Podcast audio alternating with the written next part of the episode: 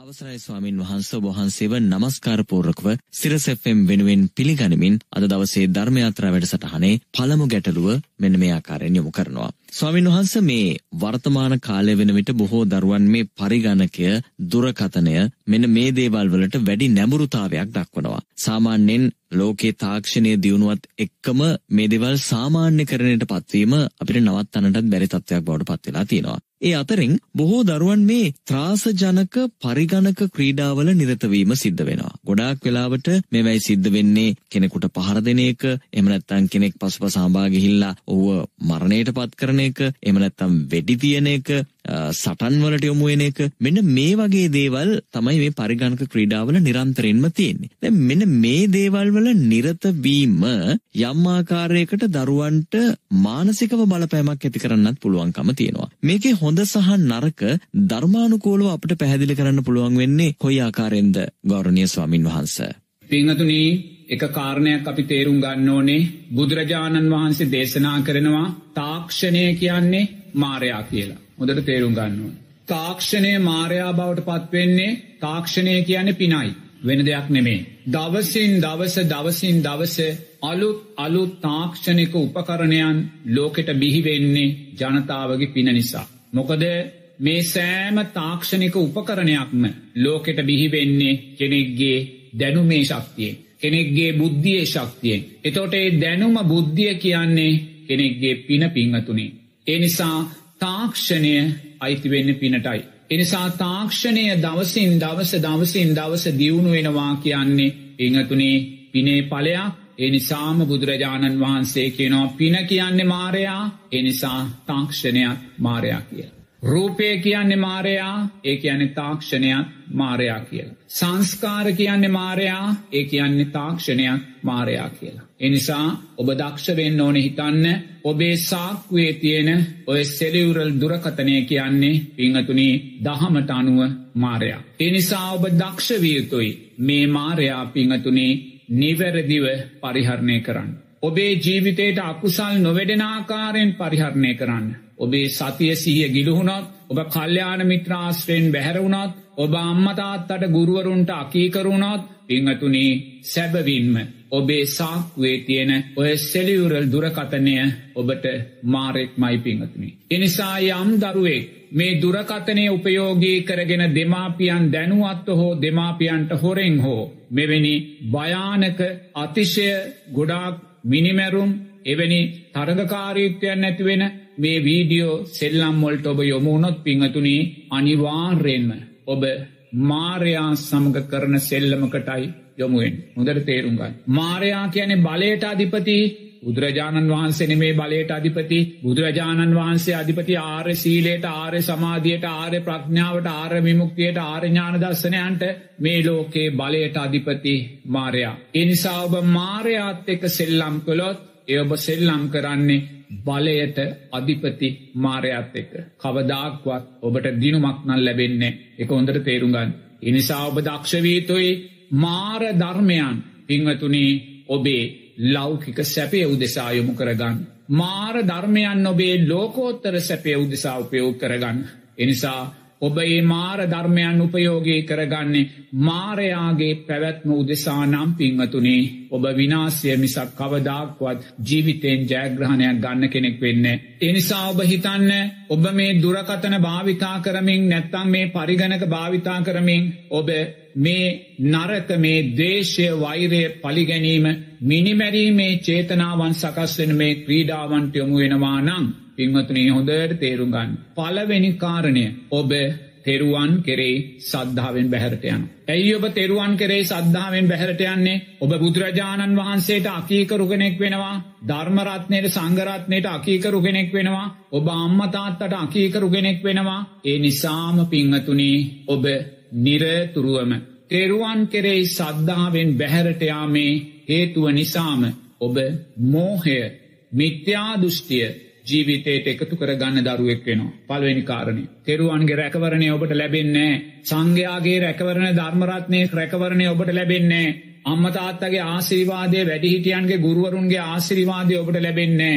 ඉංහතුනි මහා බ්‍රහ්මයා වෙන අම්මතාත්තගේ ආශිරිවාදය නොලැබුණොත්. රහත් ගුණයන් තියෙන දෙමාපියන්ගේ ආශ්‍රිවාදය නොලැබුණොත් පිංහතුනේ දරුවට අනාගතයක් නැහැ. එනිසා ඔබ එවැනි වැරදි වීඩියෝ සෙල්ලම් කරන දරුවෙක් නං පලවෙනි වටේදී ඔබ තෙරුවන් කෙරෙයි සද්ධාවම අහිමි කරගන්න. දෙවනුවට පිංහතුනී ඔබ සීලය අහිමි කරගන්න. ඔබ මොකක්ද මේ වීඩියෝවලින් කරන්නේ. ඔබ තව කෙනෙකුට පහර දෙනවා තව කෙනෙකුට මරනවා තව කෙනෙකුට එලෝ එලෝ ගහනවා. ඔබේ එකම චේතනාව එකම අරමුණ තව කෙනෙක් පරාජය කිරීම. තව කෙනෙකුට පහරදීම තව කෙනෙකුට මරා දැමීම පිංහතුනි එවැනි තැනකදී පලවෙනි සිල්පදය ඔබ අමු අමුවේ දුර්වල කරගන්න. ඔබ නිරේතුරුව මනුස්ස හිංසනයක් තුළයි පසුවෙන්නේ. ඔබ නිරේතුරුව මනුස්ස ඝාතන චේතනාවක් තුළයි ඔබ පසුවෙන්නේ. ඒ වගේම පිංහතුනේ ඔබ අම්මා තාත්තාට බොරු කරන කෙනෙක් බවට පත්වෙනවා. අම්මා තාත්තාට වංචා කරන කෙනෙක් බවට පත්වෙනවා. ඒ නිසාම ඔබ පංච සීලයක් දුර්ුවල කරගත්ත වෙනවා. මුලින් ඔබ සද්ධාව දුර්ුව කරගත්තා. සද්ධාව දුර්වල කරගත්තාහම ඔබට මොකක්ද ලැබුණේ. මිත්‍යා දෘෂ්ටියට අදාළ මෝහයට අදාළ ධර්මතාවයන් ජීවිතයට එකතුනා. දැන් දෙවනි වටේදී ඔබ සීලේ දුර්වල කරගන්නවා. මනුස්ස හිංසනය මනුස්ස ඝාතනයට අදාළ චේතනා ඔබ ඇති කරගන්නවා. ඒවාගේම දෙමාපියන්ට හොරෙන් කටයුතු කිරීම නිසා හොරකමට අදාළ සිතුරිය ඇති කරගන්නවා. ඒ නිසාම ඔබ සීලය දුර්ුවල කරගත් දරුවෙක් වෙනවා. පංචසීලය දුර්ුවල කරගත්ත දරුවෙක් වෙනවා. එනිසාම සීලේ ආනිසංස ඔබට ලැබෙන්නේ නැහැ. ඇයිඒ ඔබේ ජනප්‍රිය භාවය පිරිහෙනවා. ඇයි ඔබ පිංහතුනේ ගෘප්ත කෙනෙක් බවට පත්වෙනවා. එක අම්ම කෙනෙක් ඇවිල්ල කෙනවා සාමීන් වහන්ස මගේ පුතා ඉරිද විතරයි ගෙදර ඉන්නේ ඉරිදට උදේ කෑමාරගෙන දොරවහගත්තට පස්සේ රෑට කෑම කන්න තමයි දොරාරන්නේ කියලා. ආයිමත් රෑට කෑම කාල දොරවහද්දී පහුවදා උදේට තමයි දොරාරන්න මොනවා කරනවාද දන්න පරිගණකයක් කතේ තියාගෙන මොනවාදෝ කරනවා කියනවා. එතොට බලන්න මොකක්ද මේ ගෘප්ත ජීවිතයක්. සහෝදරයන එක ඇසුරක් නෑ අම්මතාත්තලත් එක ඇසුරක් නෑ සමාජයත් එක් ඇසුරක් නෑ පාසල් දරුවොත් එක් ඇසුරක් නෑ ගෘප්ත භාවයට යොමුුවෙනවා. අර ක්‍රීඩාවට ඇබ්බැහි වෙච්ච කෙනෙක් වෙනවයි ජනප්‍රිය භාවය පිරිහිලායනවා සීලේ දුර්වලයි.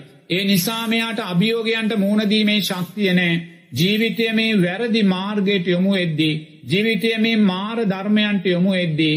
ඒ මාර ධර්මයන්ගෙන් ගැලවෙන්න ශක්තිය නැතු වෙනවා. ඇයි සීලේ දුර්වලයි පිංහතුනේ. සීලේ දුර්වලයි සද්ධාව දුර්වලයි මිත්‍යාදුෂ්චයට අදාළ ධර්මතාවයන් වැඩෙන්නේ. ඒ නිසාම පිංහතුනේ නිරේතුරුවම ඒ පින්වත් දරුවා පිංහතුනි අභියෝගයන්ට මූුණදීමේ ශක්තියක් නෑ මාර ධර්මයන්ට පෙනි පෙනි පෙනි පෙනි පෙනි පෙනියටත් වෙනවා. ඊළඟට පිංහතුනි යාගේ බවබෝග සම්පත් ආරක්ෂා වෙන්නේ මොකද බවබෝග සම්පත් කියන දරුවෙක්ගේ තරුණයගේ බවබෝග සම්පත් කියන මොකක්ද යාගේ අධ්‍යාපනය. පිංහතුනී ඒ පාසල් දරුවාගේ බවබෝග සම්පත බවට පත්වෙන්නේ යාගේ අධ්‍යාපනයමයි. ඒ බවබෝග සම්පත් දුර්වල වෙලායනවා මොකද අධ්‍යාපනයට නෙමේ හිත යොමු කරන්න වෙන වෙන වීඩියෝ ක්‍රීඩාවලට. ඒ නිසාම පිංහතුනි එයා මේවාට ඇබ්බැහි වෙලා ඉන්න වෙලාවක ඇස් දෙක පියවුණොත් සිහි මුලාවට පත්වෙලා මැරෙන්නේ. ඒ නිසාමයා දුගතිය ඉපදෙන්නේ පිංහතුනේ දුස්සීල භාවයට අදාළ විපාකයන් සියලු දෙයක් මේ දරුව එකතු කරගන්න. බලනික වීඩියෝ ක්‍රීඩාවක මේ නපුරු නරක පලිගැනීම මරාදැමීම් ගහන මේ වීඩියෝ ක්‍රීඩාවක් තුළින් ඔබේ සද්ධහ වහිමි කරලා ඔබ මිත්‍යා දෘෂ්ටික භාවයට පත්වෙනවා. ඔබේ සීලේ දුරුවල කරලා ඔබ සිහිමුලාවට පත්වෙලා දුගතියට වැටෙනවා ඒ විතරක් නෙමේ පිංහතුනී මෛත්‍රිය මරාදානවා. අවසරයි ස්වාමින් වහන්ස ඔබ වහන්සේ මේ මෛත්‍රිය පිළිබඳව සඳහන් කරපු නිසාම මම හිතනවා අපි මෛත්‍රී කිරීමේ ආනිශංසයන් ගැනත් මේ වැඩසටහන අහන ශ්‍රාවක පිරිසට යළිත් මතක් කිරීමක් කළොත් හොඳයි කියලා මේක අපි කල්නුත් මතක් කරලා තියෙන කාරණාවක් ස්වාමීන් වහන්සේ. දෙවියන්ට මිනිස්සෙන්ට අමනුෂ්‍යන්ට ප්‍රිය වෙනවා. වසවිසෙන් හානි වෙන්නේ නැහැ. ශරීරය ප්‍රසන්න වෙනවා. සීමුලා නොවී මැරෙනවා සුගතියේ ඉපදෙනවා. පිංහතුනේ මේ සුන්දර මෛත්‍රී ආනිසංස. නමුත් ඔබ මෛත්‍රී ආනිසංස ඔබ විසින්ම මරාගනිද්දී පිංහතුනේ මොකක්ද වෙන්නේ ඔබට සුවසේ නින්දයන්නේ නෑ සුවසේ ඇහැරෙන්නේ නෑ නපුරුහින පේනවා. පිංහතුනේ ඔබට නින්දයන්නේ නෑ. එල්ලි වෙනකම් මේවා පරිගණකට ඔබෝබා ඔබෝබා ඔබ ඉන්නවා මුළු දහවලම මේවා ඔබෝබා ඉන්නවා මත්වෙලා ඔබට නින්දයන්නේ සුවසේ නින්දයන්නේ ඒ නිසාම සුවසේ ඇහැරෙන්න්නෙත් නෑ ඔබට ඔබ රෑට හීනෙන් බයවෙලා කෑගහනවා ඇයි? මේ නපුරු දේවල් කරන්නේ දේශය වඩන්නේ මරණීය සෙල්ලං කරන්නේ. ඒ නිසාම රෑට මේවා මතක් වෙලා සිහිනෙන් බය වෙනවා. සිහිනෙන් කෑගහනවා පිංහතුනී නපුරු හීන පේනවා. ඒ විතරක් නෙමේ. මේ දේවල් කරන කිසිම කෙනෙකුට දෙවියන් අමනුෂ්‍යයෙන් මනුස්සයෙන් කවදාක්වත් ප්‍රිය නෑ පිංහතුනි මේ වැඩ කරන දරුවන්ට දෙවිය ප්‍රිය නැහැ. මෙවැනි වැරදි වැඩ කරන දරුවන්ට බ්‍රහ්මයින් ප්‍රිය නැහැ. සත්පුරුෂ මනුස්්‍යයන්ගේ ප්‍රියභාවය නැති වෙනවා. එ නිසාම කාම්බරයක් ඇතුළට වෙලා ගෘප්තව මේ දවේශය වෛරය වැඩද්දී ලේධාතුව අපිරිසිදු වෙනවා. හැම වෙලාම තියෙන තරඟකාරිත්වයක් ආවේග ශීලී භාවයක් තව කෙනෙකුට පහරදීමේ පලිගැනීමේ චේතනාවක් තව කෙනෙක් මරා දැමීමේ චේතනාවක් ඒ නිසාම ලේධාතුව අපිරිසිදු වෙනවා. ලේධාතුව අපිරිසිදුවීම නිසාම පිංවතුනේ නොහිතු ලෙඩරෝග ජීවිතයට එකතු වෙනවා. නිරෝගී භාවය ලැබෙන්නේ ඒ වගේමයි පිංහතුනි ශරීරයක් ප්‍රසන්න භාවය පහව යනවා. ගුප්ත ජීවිතයක් ගත කරන්නේ ආහාරය ගැන හිතන්නේ ජීවිතය ගැන හිතන්නේ ශරීරය ගැන හිතන්නේ ඒ නිසාම ශරීරයේ වර්ණය දුර්වල භාවයට පත්වෙලා යන නියමිත වේලාවට ආහාරයක් ගන්න නෑ වතුර ටිකක් ගන්න නෑ අර වීඩියෝ සෙල්ලමටම හිත යොමු කරගෙන වීඩියෝ එක තුළ මත් වෙලා ඒ මතින් එයා ජීවත් වෙනවා. එයාගේ ආහාරය තමයි වීඩියෝ මතය. එයාගේ ජලය තමයි වීඩියෝ මතය. එයාගේ සැපේ තමයි ඒ වීඩියෝ මතය. පිංහතුනි වීඩියෝ මතය ජලය කරගෙන ආහාර කරගෙන සැපය කරගෙන ජීවත්වීමේදී ශරීරයේ ප්‍රසන්න භාවය නැතුවෙනවා ආහාර අඩුකව නිසා ජලය අඩුකම නිසා ආවේගශීලී භාවයන් නිසා ශරීරයේ ප්‍රසන්න භාවය නැතුවෙලා යනවා. පිංහතුනී මෙවැනි දරුවෙක් අර සෙල්ලම් කරන අතර ඇතිකරගන්නා වූ මානසික විකෘතියකින් මියගියොත් සිහිමුලාවට පත්වෙලයි මැරෙන්නේ. සිහිමුලාවට පත්වෙලා අනිවාර්යෙන්ම දුගතියට වැටෙනවා අන්න පිංහතුනේ මාරයා සමඟ සෙල්ලං කරන්න ගිහිල්ලා අවසානයේදී මාරග්‍රහණයට අතුනා. එනිසා දරුවන් දක්ෂ වෙන්න නිරේතුරුවම ලෝතුරා බුදුරජාණන් වහන්සේගේ මේ උතුම් ධර්මයන් ජීවිතයට එකතු කරගන්න. පිංහතුනේ මම මීට පෙරාතුව මට මතකයි පන්සිල් මල්ුව වැඩ සටාන් වලින් පවාපි මතක් කල්ල තියෙනවා මාරයාගේ හිස අතගාලයි අපිට ඔක්කයින්නේ. නමුත් ඔබ මොකොද කරන්නේ මාරයා ඔබේ හිසට අතකාලා ඔබට ටොක්කයින අවසානය ඒකයි සිද්ධ වෙලාතින්නේ. ඉනිසා මේ තාක්ෂණික උපකරන කියන මාරයා මේවා පිනෙන් උපන් සංස්කාරයන්ගේ උපන් ධර්මතාවයන් සංස්කාර මාරයානන් තාක්ෂණික උපකරණත් මාරයාමයි ඒ නිසා ඔබ දක්ෂ වෙන්න මේ මාර ධර්මයන් පිංහතුනේ ඔල්ලුව අතගාලා ඔබේ යහපත උදෙසා ඔබයොමු කරගන්න. ඔබේ අධ්‍යාපනය උදෙසා ඔබයොමු කරගන්න. ඔබේ දැනුම උදෙසා ඔබයොමු කරගන්න. ඔබේ ධර්මඥානය උදෙසා ඔබයොමු කරගන්න. එහම නැතුව පිංහතුනී ඔබ මේ තාක්ෂණික උප කරන මාරයා හැටියට නොදැක මේ තාක්ෂණික උප කරන ඔබේ කල්්‍යාන මිත්‍රයා හැටියට දැක්කෝත් පිංහතුනී ඔබේ කල්්‍යාන මිත්‍රයා හැටියට අරන්තියන්නේ මාර ධර්මයක් කියන කාරණය බුදුරජාණන් වහන්සේ දරුවන්ට දේශනා කරනවා. ඒ නිසා සෑම දරුවෙක්ම තේරුම් ගන්න. දෙමාපියනුත් මේ කාරණය තේරුම් ගන්න. ඔද සමහර දෙමාපියන්ගේ ආශිරිවාදය ලැබෙනවා දරුවන්ට මේවා කරන්න. එනිසා දෙමාපියන් මේවාට ආශිරිවාද කරනවනං. ඒ දෙමාපියන් තමන්ගේ දරුවට සද්ධහවා හිමි කරන දෙමාපියෙක් වෙනවා. තමන්ගේ දරුව මිත්‍යා දෘෂ්ටික භාවයට පත් කරන දරුවෙක් වෙනවා. තමන්ගේ දරුවගේ සීලය දුර්ුවල කරන දෙමාපියන් වෙනවා. නිරේතුරුව මනුස්ස හිංසනය ජීවිතයට එකතු කරගන්න දරුවෙක් බවට පත් කරනවා. ඒ විතරක් නෙමේ ඒ දෙමාපියන් තමන්ගේ දරුවාගේ මෛත්‍රියට අදාළ ආනිසංස එකොළහම දුර්ුවල කරන අම්ම තාත්ත දෙපලක් බවට පත්වෙනවා ඒම අම්ම තාත්තල තුළ අපි බ්‍රහ්ම ගුණයන් දකින්න බෑ පිංහතුනේ ඒ උතුම් රහත් ගුණයන් අපි දකින්න බෑ. එනිසා දෙමාපියන් දක්ෂවීතුයි තමන් දැනුවත්භාවෙන් මෙවැනි සිදුවීම් දරුවන් මේ වැරදි වීඩියෝ සෙල්ලම් මොල්ට යොමු වෙලා තියෙනවන මේ පලිගැනීම වෛරය දවේශය ක්‍රෝධය මිනිමැරුම් මේවා ජීවිතයට එකතු කරගන්න වීඩියෝ ක්‍රීඩාවන්ට දරුවන් යොමු වෙලා තියෙනවා නම් පිංහතුනේ දරුවන් අත් කරගන්නා වූ විනාසය දිහැ දැකලා සීලය විනාස කරගන්න සද්ධහා විනාස කරගන්න මෛත්‍රිය විනාස කරගන්න ජීවිතයක ඉතිරිය පිංහතුනේ දුගතියක් මිත්‍යා දෘෂ්ටික භාවයක් විතරක්මයි. පිංහතුනේ සමාජය තුළ ඔබලාට පූර්වාදර්ශයන් නැතිවෙන්න පුළුවන්. එනිසා ඔබ දක්ෂ වෙන්න ඔබ ඔබට පූර්වාදර්ශී වෙන්න ඔබ ඔබට නායකයෙක් වෙන්න ඔබ ඔබට ගුණධර්ම කියල දෙන දරුවෙක් බවට පත්වෙන්න මොකද පිංහතුනේ ඔබලා යම්හයකින් විනාස වුණොත් පිංහතුනේ එහි විනාසය අයිති ඔබලාටමයි. ඒ දුකායිති ඔබලාටමයි. ඔබලා දුගතියට වැටුනොත් ඒ දුකායිති ඔබලාටමයි. ඒවා විඳින්න වෙන්නෙත් ඔබලාටමයි. එනිසා පින්වත් දරුවන් නිරේතුරුව තේරුම් ගන්න ඔබේ ක්‍රීඩාවන් නොට යොමුුවෙන් එපා. නිරේතුරු ඔබ දක්ෂවෙන්න ඔබේ දුරකතනය ඔබේ පරිගණකය. පිංහතුනේ ඔබේ අධ්‍යාපනය උදෙසා ඔබේ දැනුම ඔබේ බුද්ධිය ඔබේ ධර්මඥානය උදෙසා යොමු කරගන්න පිංහතුනේ එහෙම යොමු කරගත්තොත් ඔබ මාරයාගේ හිස අතගාලා ටොක්කක් අයින දරුවෙක් තරුණෙක් බවට පත්වෙනවා.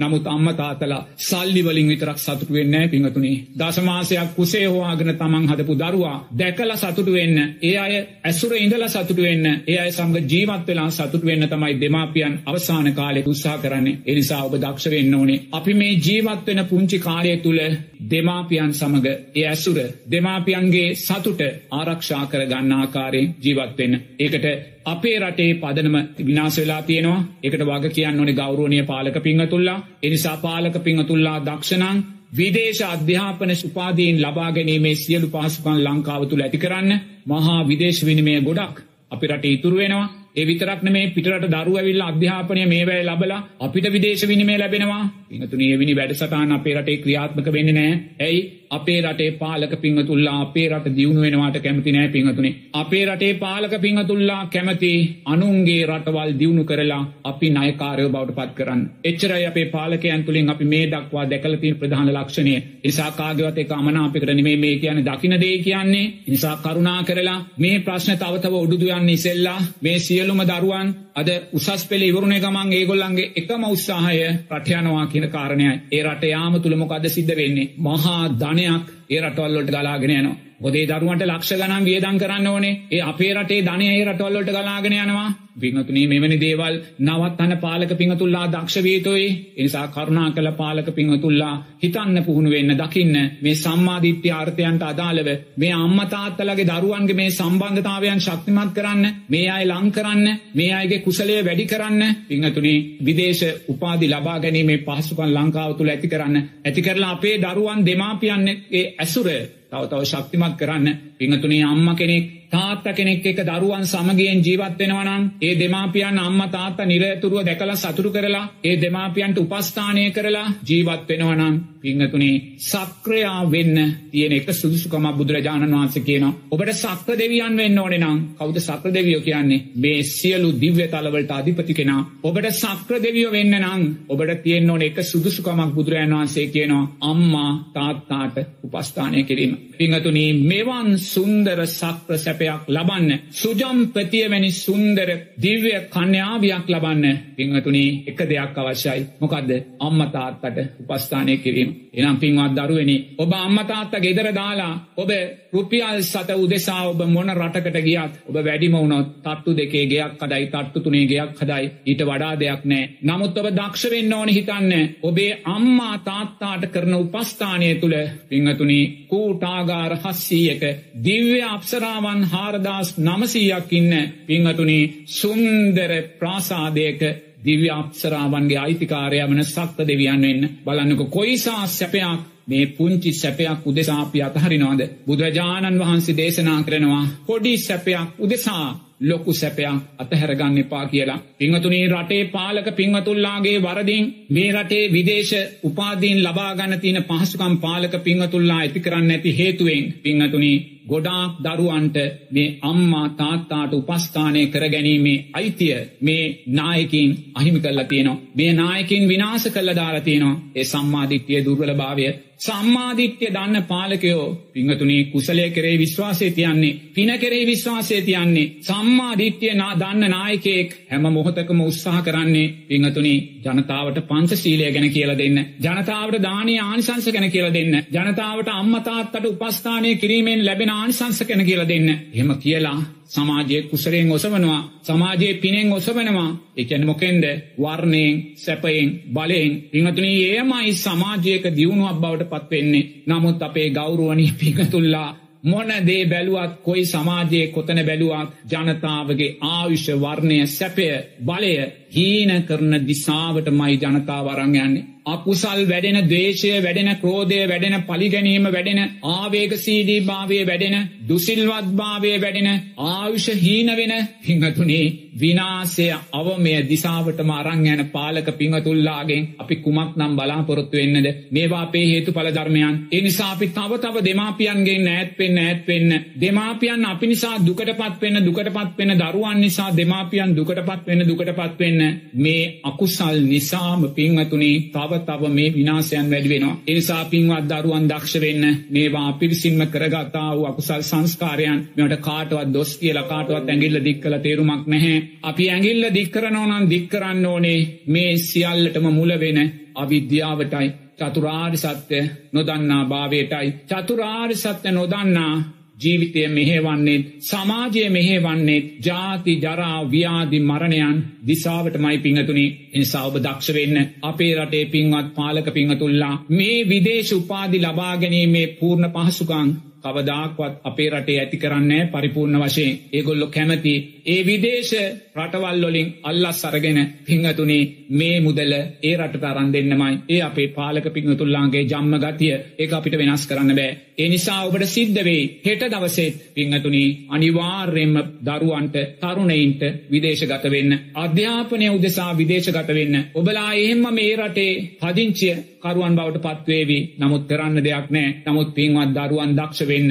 අම්මා තාත්තාට සැලකීම පිංහතුනි පිටරට ගිහිල්ලා ගන්න වැටුපට සම කරන්න එපා. පිටරට ගිහිල්ල ඔබ ලබන සැපේට ඔබ යටවෙන්න එපා. සක්්‍ර දෙවියන්ගේ අර මාලිගාව පමණක් පාඹර හස්සීයා පිනෙන් උපන් මාලිගාවක් පිංහතුනි පිනෙන් උපන් දිව්‍ය අප්සරාවක් සුජම්පතිය පිංහතුනි ඒ සැපයන්ට හිතියොමු කරන්න ඔබ වඩාත් කැමති ඇමරිකාවේ ගෙදරක් කරන් ජීවත් වෙන්න නම් ඔස්ට්‍රේඩියාවේ කැනඩාවේ නවසීලන්ත ගෙදරක් කරන් ජීවත් වෙන්න නම් අම්ම කොළඹ තියලා අම්ම ගමේ තියලා අම්මට සල්ලිගියක් හරි එවලා පිංහතුනි ඔබට කවදාක්වත් ඔය ඇමරිකාවේ සැපිය උදෙසා කැනඩාවේ සැපිය උදෙසා ඔස්ට්‍රේලියාවේ සැපිය උදෙසා දිව්‍ය සැපේනම් කවදාක්වත් ඔබට ලැබෙන්නේ ඒක ඔබ තේරුම් ගන්න. ඒ නිසා ඔබ දක්ෂ වෙන්න. පිටරටක ඔබ හිටියත් පින්වතුනි දෙමාපියන්ට නිරේතුරුවම දුරකථනයෙන් හෝ කතා කරන්න. ඒ අයගේ සැප දුක් හොයලා බලන්න. ඒ අයට අවශ්‍ය මිල මුදල් එවන්න. පින්වතුනි එසේ නොවුනොත් අපි සද්ධාවත් දුර්වල කරගන්නවා. බුදුරජාණන් වහන්සේට අදාළව අම්මතාත්ත මහා බ්‍රහ්මයින් හැටියට දකින්නේ. ඒ අම්මතාත සද්ධාවෙන් සීලෙන් ත්‍යාගෙන් ප්‍රඥාවෙන් ශක්තිමත් කරන්නේ බුදුරජාණන් වහන්සේ දේශනා කරන්නේ අම්මතාත්තර සැලකුවා කියන මොකක්ද පිටරට ඉඳන් ඩොලර් කන්දරාවක් එව්වා කියලා. අම්මතාත්ත සතුටු කලා වෙන්නේ නෑ. බුදුරජාණන් වහන්සේ අම්මාතාත්තා සතුටු කලා කියන දරුවන්ට අම්මතාත්තා සද්ධාව තුළ පිහිටවන්න අම්මතාත්තා සීලය තුළ පිහිටවන්න අමතාත්තා ත්‍යයාගේ තුළ පිහිටවන්න අමතාත්තා ප්‍රඥාව තුළ පිහිටවන්න. අන්න පිංහතුනේ අන්න ඔබ අම්මා තාත්තාට සැලකුවා වෙනවා. ඔබ එහෙම අම්මාතාත්තට සැලකුවොත් පමණයි පිංහතුනේ ඔබට ඊළඟ ජීවිතේ මේටත් වඩා වටිනා අම්මතාත්ත දෙපලක් ලැබෙන්නේ. එහෙම නැතුව ඔබ මේ ජීවිතේ මේ මහා බ්‍රහ්මයින් දෙපලට මේ උතුම් රහත් ගුණයන් තියෙන දෙමාපියන් දෙපල ගැන නොසල කලා ඔබ විදේශ රටක පදිංචි වෙලා මාසකට වතාවක් මුදල් පමණක් වෙලා අම්මා සතුරු කරන්න උත්සාහ කරන කෙනෙක් නම් පිංහතුනි ඒ අකුසල් විපාකයන් නිසාම පිංහතුනි ඔබට සම්මා දික්්‍යයට පත්වන අම්ම කෙනෙක් නම් නැවත නොලබෙන්න්න පුළුවන්. බොහොදර තේරුම් ගන්න. ඔබ මේ ජීවිතේ ඔබේ අම්මා තාත්තා සම්මා දිට්්‍යයට අදාළව පෝෂණය කොළොත් පමණයි. ඔබට ඊළඟ ජීවිතේ සම්මාධිත්‍යයට අදාළ අම්ම කෙනෙක් ලැබෙන්නේ. මුදින් තේරු ගන්න බුදුරජාණන් වහන්සේ පමණයි. මේ ලෝකධාතුවේ ඉන්න සියලූම ශාස්තුන් වහන්සේලාගෙන් අම්මා තාත්තාගේ ගුණයන් ගැන දේශනා කරපු එකම ශාස්තුන් වහන්සේ. අම්මා තාත්තා මහා බ්‍රහ්මය කියපු එකම ශාස්තෘන් වහන්සේ ලෝතුරා බුදුරජාණන් වහන්සේ. අම්මා තාත්තා අනාගාමී උත්තමයකුට වඩා ශේෂ්ඨයි කියලකිව්වේ ලෝතුරා බුදුරජාණන් වහන්සේ. පිංහතුනේ එවන් ශේෂ්ඨ බුදුරජාණන් වහන්සේගේ උත්තරීතර ධර්මය අපි නොසලකා හැරියොත් පිංහතුන ඊළඟ ජීවිතේ මුස්ලිම් අම්ම කෙනෙක්ගේ දරුවෙක් වෙලා ඔබ ඉප දෙන්න පුළුවන්. ක්‍රස්තියානි අම්ම කෙනෙක්ගේ දරුවෙක් වෙලා ඔබ ඉප දෙන්න පුළුවන්. හින්දු අම්ම කෙනෙක්ගේ දරුවෙක් වෙලා ඔබ දෙන්න පුළුවන්. ඔබ සම්මා සම්බුද්ධ ශාසනය අහිමි කරගන්න පුළුවන්. මොකද ඔබ සම්මාධිත්‍යය අහිමි කරගත්තා. ඇමරිකාව ජීවිතයක් උදෙසා කැනඩාව ජීවිතයක් උදෙසා ඔස්ට්‍රේලියාව ජීවිතයක් උදෙසා ඔබ පිංහතුනි සම්මාධීත්‍යය අහිමි කරගත්තා. අම්මා තාත්තාගේ උතුම් ගුණයන් අහිමි කරගත්තා පිංහතුනි ඔබ විදේශ රටකද බටහිර රටක දකින්න ඇති අම්මා තාත්තාට තියෙන සැලකිල්ල මොකක්ද කියලා. අම්මලා තාත්තලා වැඩිවියට පත්වනාට පස්සේ අයි විශ්‍රාමගයාට පස්සේ මුදල් ගෙවලා නවා තැන්පොලක නැවතුවා. ඒක තමයි ඒ අයගේ අම්මා තාත්තාට සැල්කීම. උපන්දිනයට දවසට මොකක්කෝ මලක් ගිහිල්ල දීලා කේක් ඇල්ලත් දීල සතුටු කලා එච්චරයි. ඊට වඩා දෙමාපියන් සතුටු කිරීමක් පිළිබඳ ඒගොල්ල දන්නෑ පිංහතුනේ. නමුත් ඒ සංස්කෘතිය අපිත් ඉගෙන ගත්තොත් ප්‍රශ්නයක් නෑ ඊළඟ ජීවිතේ ඔබටත් ඔස්ටේනියානු අම්ම කෙනෙක්ගේ දරුවෙක් වෙන්න පුළුවන්. කැනඩාවේ අම්ම කෙනෙක්ගේ දරුවෙක් වෙන්න පුළුවන්. එංගලන්තේ අම්ම කෙනෙක්ගේ දරුවෙක් වෙන්න පුළුවන්. නමුත් දරුවෙක් වුණත් ඔබට සම්මාධිත්‍යයාහි මේ පිංහතුනේ ඔබ මිත්‍යා දෘෂ්ටිය තුළා ඉන්නේ. මිත්‍යා දෘෂ්ටිය තුළ ඔබ සතරා පායකට වැටුනොත් කල්ප ගානක් ඔබට ගොඩ එන්න බෑ. ඉනිසා පිංහතුනි මේ සෑම ප්‍රශ්නකටම මුල මෙතන දේශපාලනයේ තියෙන ඔබ ඒක හොඳින් තේරුම් ගන්න. මේ දේශපාලන ලෝකයේ තුළ අපේ ගෞරවනීය නායකයන්ට උතුම් සම්මාධිත්‍යය තියෙනවනං පිංහතුනි මේ දරුවන් දෙමාපියන් අතර සම්බන්ධය දුරස් කරන්නේ මේක කඩන්නේ මේක වෙන් කරන්නේ අම්මල මෙහි දාලා දරුව පිට රටවල් වල පදිංචිකරුවන් බවට පත් කරන්න යන්න දෙන්නේ නෑ එසේ නැතු මේකෙන් අදහස් වෙන්නේ අපේ ශ්‍රමය පිට රටවල් වලට ඇවීම නොකළ යුතුයි කියලා අනිවාර්යයෙන්ම පින්වතුනි අපේ ඉහළ වෘත්තීය වේදීන් වගේම අපේ පුහුණු ශ්‍රමිකයින්ම නිරතුරුව විදේශ රැකියාවලට හැකිතාක් අපි යොමු කරන්න ඕනේ. නමුත් ඒ රටවල් වල පදිංචියට නෙමේ පින්වතුනි ඒ අයගෙන් අපිට ගන්න තියෙන අපේ සංවර්ධනය ගන්න තියෙන ශක්තිය අපිට ගන්න. ඒ නිසා ඒ කටයුත්ත වෙනම දෙයක්. නමුත් ඉන් මෙහා මේ අධ්‍යාපනය උදෙසා දරුවන් ඒ රටවල්ලට යොමු කිරීමෙන් අපේ රටට ලැබෙන්න තියෙන විශාල විදේශ විනිමයක් අපි අහිමි කර ගන්නවා වගේ අපේ ධනය බරපතල ආකාරයෙන් අපි පිටරටවල්ලොට පටවෙන ස්වභාවයක් වුවමනාවෙන්ම මේ දේශපාන ලෝකය ඇති කරලා තියෙනවා. ඒ නිසාම දෙමාපියන් දරුවන් අතර තියෙන සම්බන්ධතාවේ උපස්ථාන ධර්මයන් දුර්වල වෙලා ඉංහතුනේ අකුසල් වැඩිලා තව තව තව තව සමාජය දුර්වල දිසාවට යන අකුසල් ලෝකයක් අපි ඉදිරියේ නිර්මාණය වෙමින් පවතිනවා. එනිසා ඔබ දක්ෂ වෙන්න ඔබ තීරණය කරන්න.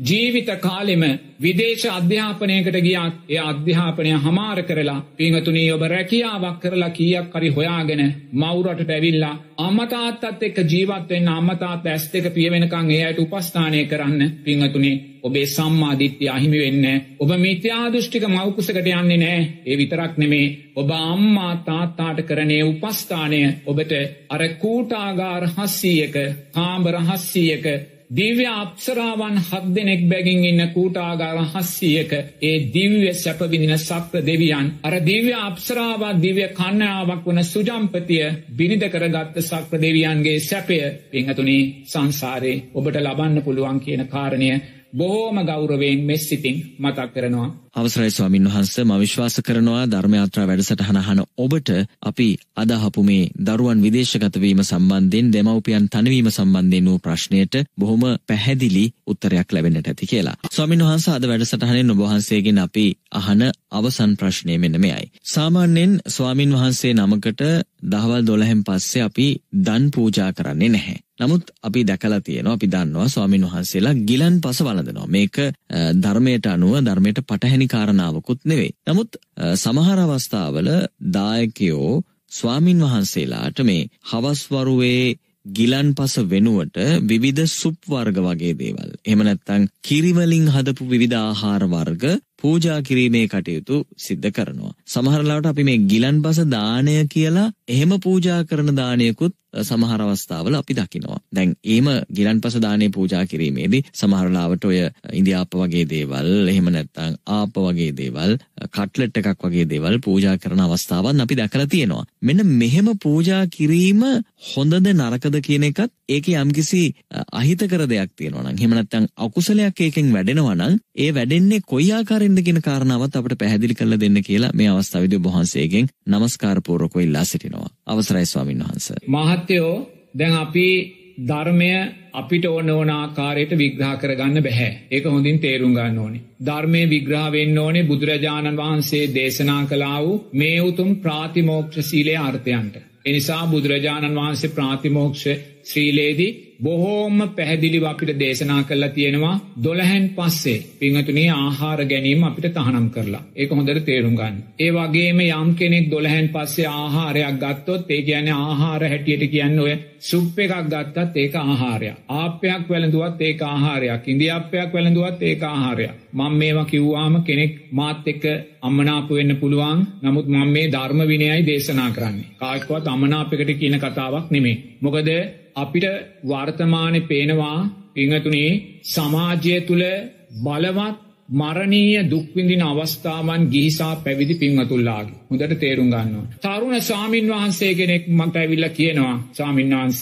මට හරි බයත් දැනෙනවා. මං පන්සලක ස්වාමීන් වහන්සේ නමක් මම දැන් සීලය තුළ පුළුවන් තරන් ශක්තිමත් වෙනවා. මං පුළුවන් තරන් සීලය මගේ ජීවිතයට එකතු කරගන්න බලනවා මං වැයි ස්වාමීන් වහන්ස ඔබට වහන්සට මේ හිතුනේ මගේ නායක ස්වාමීන් වහන්සේ අපවත් වෙච්ච හැටි දකිද්දි මටනං තාමත් බයයි. ඔන්න කියපු කතාව පිංහතුනි මුළු ශරීරෙම තුවා ලැවිල්ල එක පැත්තකින් දුර්ගන්ධයනවා. එක පැත්තකින් අඩනවා එක පැත්තකින් ආහාර ඉල්ලනවා නමුත් වලදන්න බැහැ. පෙනි පෙනි ආහාර තියනවා වලදන්න බැහැ. පිංහතුනි අප්‍රමාණ දුක්විදලා අපවත් වෙනවා. අතපය බැඳලා ඉඳලා අපවත් වෙනවා. වාටුවේ කෑගගහ දුවලා අපවත් වෙනවා. ඇඳුම් නැතුව නිර්වස්තව ඉන්නවා. පිංහතුනේ සිහිය විකල් වෙලා දර තේරුම් ගන්න වැරදි කියනවා නෙමේ. හෙට දවසේ මගේ මරණය කොයි ආකාරයෙන් වෙයිද කියලා මම දන්නේ නැහැ. මුගලන් මහෝත්තමයාණන් වහන්සේගේ අතපයි කුඩු කරලයි පිරිනිවන් පෑවේ. අතීත අකුසල් මොනවා එන්න තියනවාද කියලා මම දන්නේ නැහැ. මගේ ගිහි ජීවිතය අවුරුදු හතලිස් සතරක් ඒ අවුරුදු හතලිස් හතරේ අප්‍රමාණ සිල්පද මිඩගත්ත කෙනෙක් මම. එනිසා මගේ හෙට දවස කෙසේ වෙයිද කියන්න මම දන්නේ. අතපය බැඳල අපවත් වෙයිද පිරිකාවකින් අපවත් වෙයිද ගහලා මරල අපවත් වෙයිද කියන මම දන්නේ නැහැ. මට කරන්න පුළුවන් එක දෙයයි වර්තමානයේ කුසලේ තුළ ශක්තිමත් වෙනවා. ඒ කුසලය මං කවදාක්වත් සුප්කෝපයක් උදෙසා ආප්‍යයක් ඉන්දියප්පයක් උදෙසා පිංහතුනේ ඒ කුසලය මං පාවා දෙන්නේ නෑ. මං ඒ කුසලේ ආප්‍යයක් උදෙසා ඉන්දියප්පයක් උදෙසා සුක්කෝපයක් උදෙසා පාවල දෙනවා නං පිංහතුනේ මගේ මරණය කොයි ආකාරයෙන් වෙයිද කියන්න මමවත් දන්නේ නෑ. එනිසා මම සුප් කෝප්පයකට පිංවතුනේ මගේ ජීවිතය මං පාවල දෙනවනං ඒ පාවල දෙන්නේ මගේ කුසලයමයි එක හොඳින් තේරුම් ගන්න. සමාජයේදයා හොඳින් ඇසරල බලන්න ඔබ තරුණ වෙන්න පුළුවන් ඔබ මධ්‍යම වෙන්න පුළුවන් ඔබ තාම වයෝවෘද්ධ භාවයට පත් නොවූ කෙනෙක් වෙන්න පුළුවන් නම් පිංහතුනේ මරණාසන්න මොහොතක් අපිට එනවා. ඒ මරණාසන්න මොහොතේ වර්තමානය ගොඩාක් ගිහි පැවිදි පිංහතුල්ලාගේ අපි හිතනවාට වඩා ගොඩාක් දුර්වල මරණ පිංහතුනේ ඇයි මේ සීලයට ශක්තිය දෙන්නේ නැහැ. සීලේ දුර්වල වෙනවා. සීලේ ආනිසංසයක් තමයි ජනප්‍රිය භාවය. සීලේ ආනිසංස මැරුණටත් පස්සේ ජනප්‍රිය කරනවා. බුදුනේ බුදුරජාණන් වහන්සේ තාම ජනප්‍රියයි. මුගලන් මහෝත්තමයාණන් වහන්සේ සාරිපුත්ත මහෝත්තමයාණන් වහන්සේ තාම ජනප්‍රියයි. මේ යසෝදරා උත්තමාවිය තාම ජනප්‍රියයි. මිහිඳු මහෝත්තමයාණන් වහන්සේ සංගමිත්තා උත්තමාවිය තාම ජනප්‍රියයි. ඇයි පිංහතුනි සීලේ ආනිසංස සීලේ ආනිසංස පිරිනිවන් පෑවට පස්සෙත් ජනප්‍රියයි අපවත් වනාට පස්සෙත් ජනප්‍රියයි. ඒ සීලේ ආනිසංස නමුත් අදමොකක්ද වෙන්නේ සමහරු අපවත් වනාට පස්සේ තුම්මාසේ දානෙන් පස්සේ පිංහතුනේ මතකයක් නැහැ. ඇයි මතක නැත්තේ? කරුණා කරලා ධර්මය ධර්මයාකාරයෙන් විග්‍රහ කරගන්න. ජීවත් වෙන ඔබටයි මම මේ කතා කරන්නේ. මිය ගියායට නෙමේ. මට අවශ්‍ය නෑ මැරිලා. තුම්මාසෙන් මාව අමතක වෙලා යන මරණයකට මට එන්න. බුදුරජාණන් වහන්සේ මට එවැනි මරණයකට අවසර දීලා නැහැ. මගේ අපවත් වීමට මට බුදුරජාණන් වහන්සේ ශ්‍රාවකෙක් හැටියට අවසර දීලා තියෙන්නේ මැරුණට පස්සෙත් අපවත් වුණාට පස්සෙත් මා ගැන කතා කරන ජීවිතයක් ජීවිතය තුළ තුළ ගත කරන්න කියලා. එනිසා මගේ සෑම ඇවතුම් පැවතුමක්ම මං ඉස්රහට අරංයන්නේ පිංහතුනේ අපවත් වනාට පස්සෙත් මං ගැන කතා කරන්නයි. ඒ උතුම් ධර්මය බුදුරජාණන් වහන්සේ දේශනා කළති නො ඒ තමයි සීලේ ශක්තිය. සීලේ පලවෙනි ආනිසංසය එයා මෙලවත් ජනප්‍රියයි අරලවත් ජනප්‍රියයි අන සීලේ ආනිසංස දෙවෙනි ආනිසංසය එයා ඕනෑම අභියෝගෙට මුණ දෙන කෙනෙක්. තුනේ අභියෝගයන් ඉස්සලා එයා සැලෙන් නැහැ. රෝගී භාවය ජාති ජරා ව්‍යාධි මරණ සෝක පරිදේව දුක්ක දෝමනස්යන් ප්‍රියන්ගෙන් වෙන්වීම අප්‍රියන්නා එක්වීම පංච උපාදානස්කන්ධ දුක.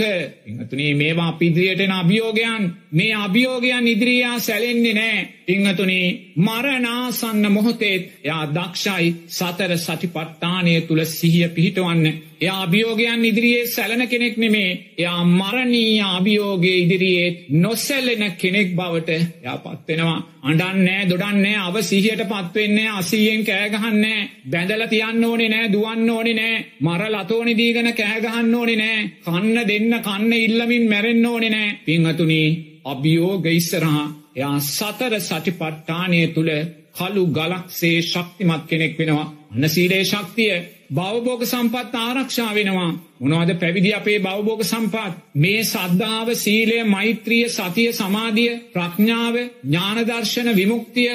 ඉංහතුනී මේ අපේ බවබෝග සම්පත්. මේ බවබෝග සම්පත් ආරක්ෂා වෙනවා. මේ බවබෝග සම්පත් ගැන අපි අපවත් වනාට පස්සෙත් මනුස්්‍යයෝ කතා කරනවා දෙවියන් කතා කරනවා බ්‍රහ්මීන් කතා කරනවා. ඒ විතරක් නෙමේ සිහි මුලා නොවී මැරෙනවා. සිහි මුලාවට පත්වෙන්නේ පිංහතුනී මේ කතා කරමින් සාධකාර දෙමින්ගේ සාධකාරහඬත් අනිත්‍ය වූ පස්සයක් යැයි දම්මානු පස්සනාවෙන් දකිමින් ඇස්පියා ගන්නවා. විදර්ශනාමය මරණයක් සතර සටිපට්ටානය තුළ ගෙවුණු මරණයක් පංච උපාදානස්කන්දේ අනිත්‍ය භාවය තුළ ඇතිවුණා වූ මරණයක් විදර්ශනාමය සප්ත බොජ්ජංගයන් තුළ ඇතිවුණු මරණයක්. අන්න සීලේ ආනිසංස.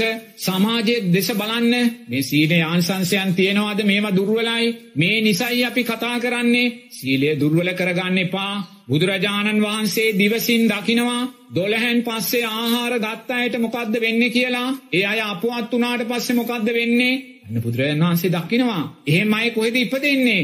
අනේ සුක්කෝප් එකම පණුවෙක් වෙලා උපදිනවා. ආප් එකම පණුවෙක් වෙලා ඉපදෙනවා. ඉන්දියාප් එකම පණුවෙක් වෙලා ඉපදෙනවා. බුදුරජාණන්සේ දකිනවා. බුදුරජාණන්සේ විනයක් පනවල තියෙන්නේ. මේ ශාසනයේ මේ විනය පනවන්නේ ඇයි පිංහතුනේ මෙතුනී මේ භික්‍ෂුත්තේ අර්ථය ශක්තිමත් කරන්න මේ ආර්යෂ්ඨාංගික මාර්ගය තුළ අපිව බොහෝම නිරවුල ගමන් කරන්න පහසුවෙන් ගමන් කරන්න මේ නිවන් මාර්ගයේ නිවැරදිව අපිව තරණය කරන්න. ඉමතුනී බුදුරජන් වහන්සේ අපිට පනවල තියෙන මේ උතුම් විනය ඒතුම් මේ උතුම් උජුපටිපන්න ගුණය සංඝයා සතු ගුණයක්. උජපටිපන්න ගුණේ සංඝයා සතු ගුණයක්. ඒ උජ්ජපටිපන්න ගුණේ තුළ සීලයට අදාළ මාර්ගංග තුනක් තියෙනවා. සම්මා වාචා සම්මා කම්මන්තෝ සම්මා ආජීවෝ. මේ මාර්ගංග තුනට අපේ ප්‍රාතිමෝක්ෂ සීලයට අයිති. අදාලයි අපේ ප්‍රාතිමෝක්ෂ සීලය මේ සම්මා වාචා කම්මන්තෝ ආජීවෝ කියන සීලයට අදාළ මාර්ගංග තුනෙන් ආවරණය වෙනවා පිංහතුනි. එනිසා බුදුරජාණන් වහන්සේ මේ උතුම් ශාසනය පනවල තියෙන්නේ පිංහතුනී මේ ශාසනය මුල් කරගෙන අපිට නිවන කරායන්න මේ ශාසනය මුල් කරගෙන නිවන කරායන අපි උපයෝගී කරගෙන ගිහි ජනතාවට පින ශක්තිමත් කරන්න කුසලේ ශක්තිමත් කරන්න ඒ අයටත් නිවන කරා මාර්ගය මතු කරගන්න. මතුනේ නිසා අපි මේ උතුම් ශාසනය ආරක්ෂා කරගන්න ඕනේ. මේ විනය ආරක්ෂා කරගන්න ඕනේ. මේ විනය අවිනය කරනවනං මේ ධර්මය අධර්මය අපි කරනවනං ප්‍රසිද්ධී අපි දොළහැම් පස්සේ ආහාර ඉල්ලනවනං ආහාර බලදනවනම් පෙනි පෙනි බලදනවනං ඉල්ල ඉල්ල බලදනවනං ඉමතුනේ හොඳින් තේරුම් ගන්න.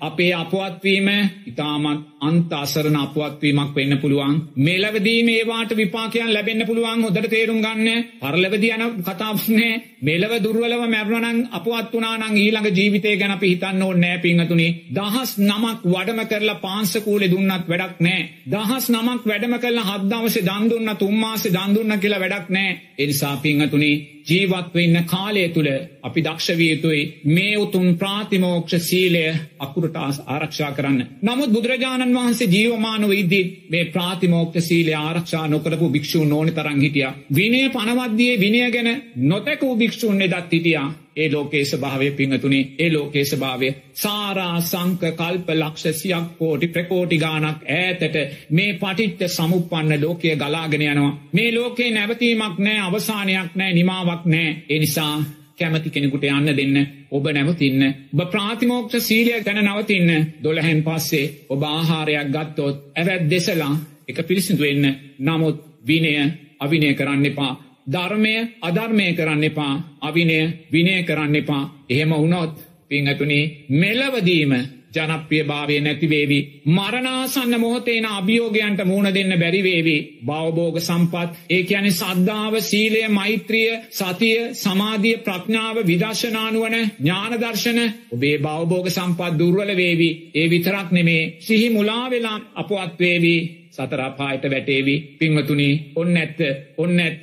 නෙස්ටමෝල් කෝප්පයකට නෙස්ටමෝල් කෝප්පයකට ඔය විනාස්‍ය අපි අත්තරගත් යුතුනෑ සුක්කෝප්පයකට ආප්පයකට ඉදි අපේකට පිංහතුනි අපි මේ අවාසනාවන්ත තත්ත්වය අපේ ජීවිතවලට එකතු කර ගන්නවා නං ඊට අපි කියන්නේ සම්මාධිත්‍යයේ දුර්වල භාවයයි කියලා. කාටවත් මං ඇගිල්ල දික් කරන්නේ මම ඇගිල්ල දික් කරන්නේ. මේ සියලු දේවල්වලට මුලවෙන අවිද්‍යාවටයි පිංහතුනි. අවිද්‍යාව යම් තැනකද එතන තියෙන්නේ ජාති ජරා ව්‍යාදි මරණ සෝක පරිදේව පමණක් මයි ඉන් මෙහා දෙයක් අපිට හොයන්න බෑ. එනිසා ඔබ දක්ෂ වෙන්න. මේ උතුම් සම්මා සම්බුද්ධ ශාසනය බුදුරජාණන් වහන්සේ මහා කරුණාවෙන් පනවල තියෙන්නේ පිංහතුනේ ඔබේ සැපය උදෙසා ඔබේ විදර්ශනානුවන උදෙසා. එනිසා ඔබ දක්ෂ වෙන්න. මේ ශාසනය උපයෝගී කරගෙන ඒ උතුම් විනය ධර්මයන් ජීවිතයට එකතු කරගන්න මොකද අපි දොළහැන් පස්සේ ආහාර ඉල්ලුවොත් ආහාර ගත්තොත් ගිහි පිංහතුල්ලා ආහාර පූජා කළොත් පිංහතුනේ අපි ගිහි පිංවතුල්ලාගේ සද්ධාව දුර්වල කරනවා. ගිහි පිංවතුල්ලාගේත් මහා සංඝයා කරේ සද්ධාව දුර්වල කරගන්නවා. දැන් සමහර ගිහි පිංවතුල්ලා හිතනවා සාරිපුත්ත මහරහතන් වහන්සේත් රැයට වැළඳුවා කියලා. දැන් සමහර ගිහි පිංවතුල්ලා හිතනවා මුගලන් මහරහතන් වහන්සේත් 12න් පස්සේ සුප් වැළඳුවා කියලා. දැන් සමහර ගිහි පිංවතුල්ලා හිතනවා යසෝදරා උත්තමාවියත් 12න් පස්සේ ආප්ප වැළඳුවා කියලා.